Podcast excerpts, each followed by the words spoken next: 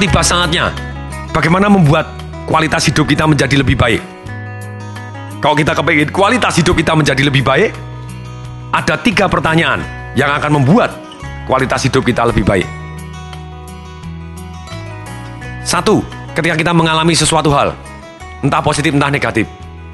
Pertanyaan yang pertama akan yang membuat kualitas hidup kita jadi lebih baik adalah apa yang saya syukuri dari kejadian ini? Ketika Anda mengalami suatu hal yang negatif, Anda selalu ngomong, enggak ada. Oke, saya sekali. Kalau ada, kira-kira apa yang bisa kita syukurin? Selalu ada hal-hal yang bisa kita syukurin. Percaya atau tidak? Coba tes. Anda bayangkan kejadian-kejadian yang paling rendah dalam hidup Anda.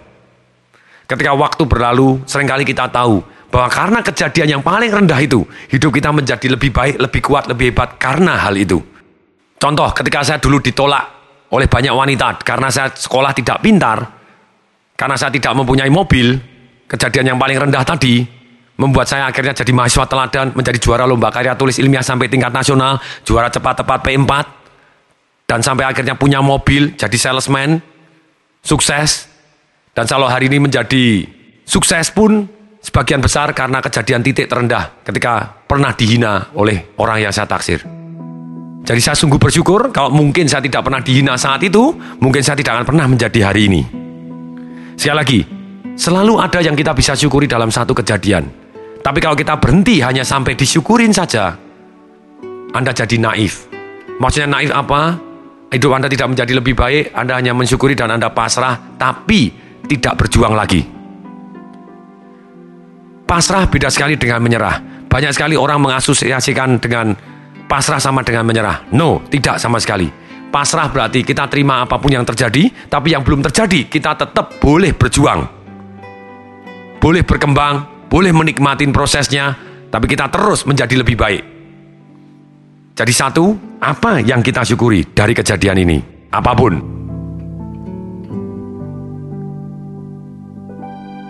Kemudian pertanyaan yang kedua yang akan membuat hidup kita mempunyai kualitas yang lebih baik, yaitu apa yang harus saya pelajarin karena atau dari kejadian ini yang akan membuat saya menjadi lebih baik, lebih kuat, lebih sukses, lebih harmonis, lebih kaya, lebih sehat, atau apa pun yang membuat kita menjadi lebih baik.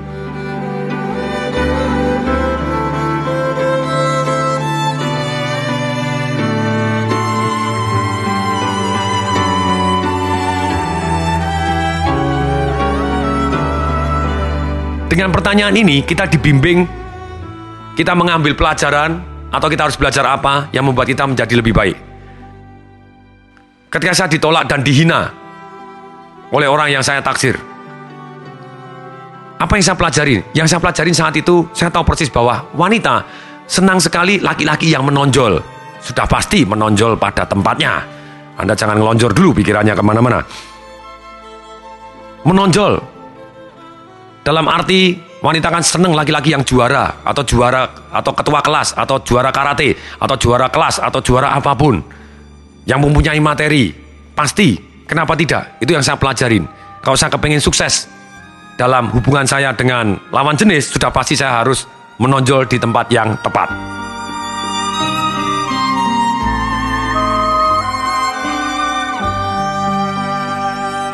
Kemudian pertanyaan ketiga, yang akan membuat kita mempunyai kualitas hidup yang lebih baik. Begitu setelah Anda, apa yang saya pelajarin? Pertanyaan ketiga, Anda lanjutkan dengan pertanyaan ini. Lalu, apa yang harus saya lakukan yang akan membuat saya A.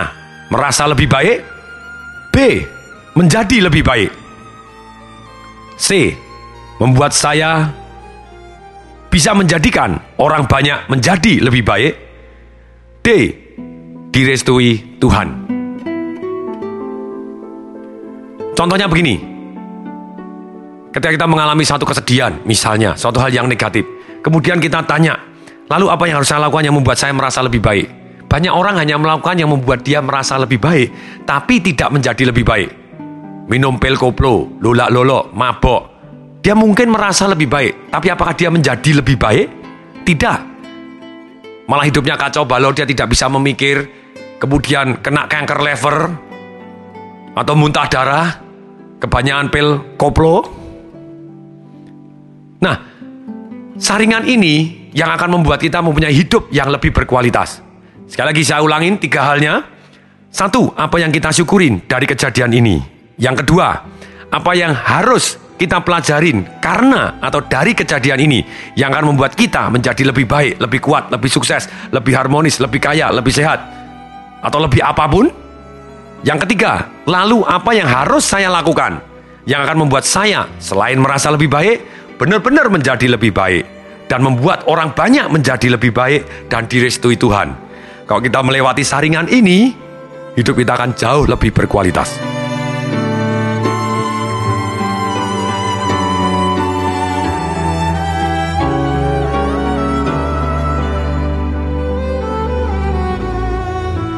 Oke, sekarang tibalah sampai saatnya kita ke tugas dari CD keempat ini. Tugas Anda hari ini adalah menuliskan tiga asosiasi Anda di masa lalu terhadap kejadian apa pun yang membuat Anda menjadi lebih baik.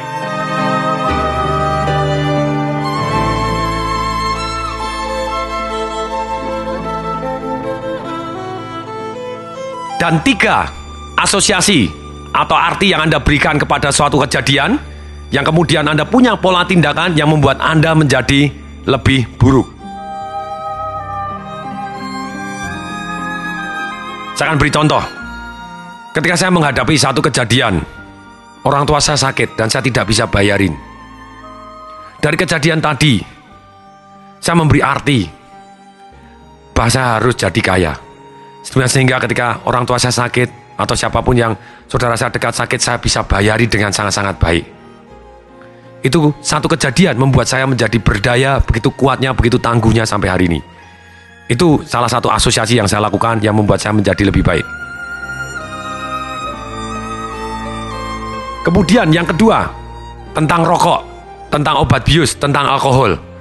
Saya kaitkan dengan sesuatu hal yang sangat menjijikan, disgusting.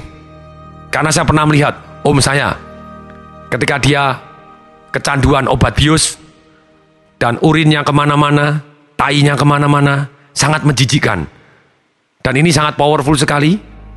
Termasuk ketika emak saya sendiri, dia perokok, dan baru dia merokok, dia batuk-batuk, dan keluar dahaknya, keluar darahnya. Saya kaitkan dengan sesuatu hal yang hi, menjijikan, ngerokok seperti itu. Obat bius menjijikan.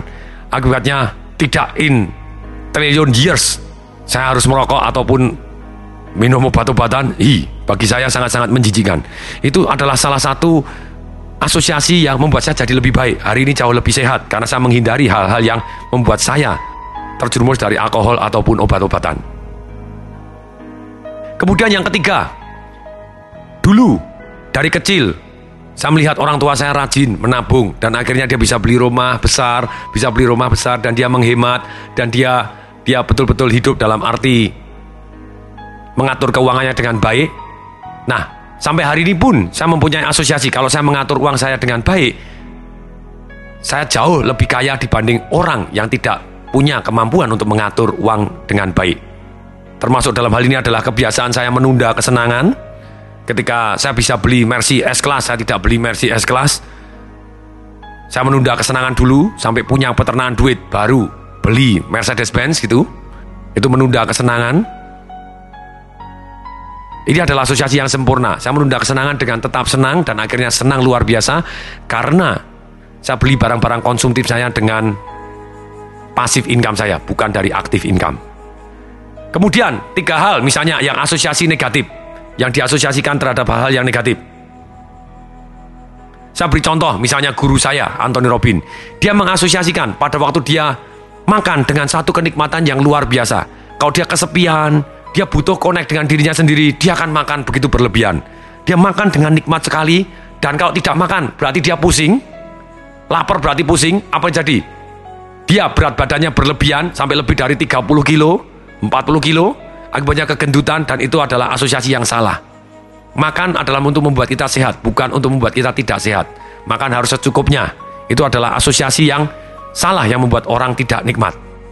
Misalnya saya beri contoh lagi, misalnya ada orang Ketika dimarahin, dia memberi asosiasi apa? berarti atasan sentimen. Kalau atasan sentimen, percuma dia kerja keras di situ. Akibatnya dia kerjanya loyo-loyo, akibatnya bolos-bolosan, akhirnya dia malah mendapatkan hal-hal yang negatif, yaitu akhirnya dia dikasih surat peringatan, bahkan dipecat. Kenapa? Karena dia mengasosiasikan ketika atasan marah, bukan diasosiasikan bahwa dia ditantang menjadi lebih baik, ditantang membuktikan lebih baik, tapi dia asosiasikan bahwa dia dibenci. Asosiasi dibenci pun juga boleh selama kalau Anda menunjukkan gigi, yes, Anda boleh benci saya, tapi dengan saya saya tetap berprestasi, pokoknya hasilnya baik. Terserah, asosiasi sekali lagi, saya katakan, orang yang sukses, walaupun dia memberi arti yang akhirnya menimbulkan emosi yang negatif, sekali lagi, entah positif atau entah negatif, yang jelas membuat dia melangkah menuju hal-hal yang positif atau membuat dia menjadi lebih baik, orang banyak menjadi lebih baik dan direstui Tuhan, dia sukses adanya, hidupnya akan sangat-sangat berkualitas. Nah sekarang tiba saatnya Anda keluarkan buku sukses Anda, tulis tiga asosiasi yang selama ini membuat Anda menjadi lebih baik, akhirnya melangkah menjadi lebih baik, entah itu Anda memberi arti yang negatif atau emosi negatif juga boleh, asal langkahnya membuat Anda menjadi positif apa, buat Anda jadi hari ini lebih kaya, lebih kuat, lebih harmonis, lebih sukses adanya, lebih sehat, silahkan ditulis. Kemudian tiga hal yang Anda memberikan arti di dalam hidup ini yang membuat Anda akhirnya menjadi sengsara atau mengalami masalah-masalah dalam kehidupan, membuat hidup Anda menjadi lebih jelek adanya, apa? Silahkan tulis tiga hal tersebut.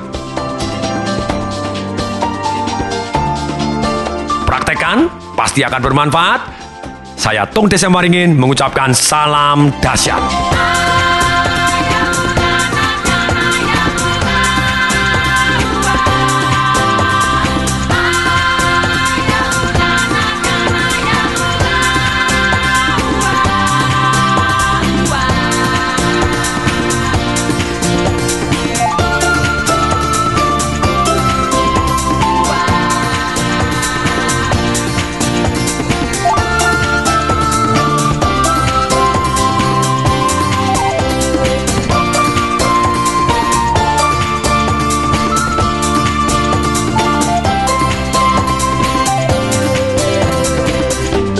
Informasi seminar atau pelatihan untuk meningkatkan motivasi, sales dan marketing perusahaan, Anda bisa menghubungi nomor telepon 021 547 6677.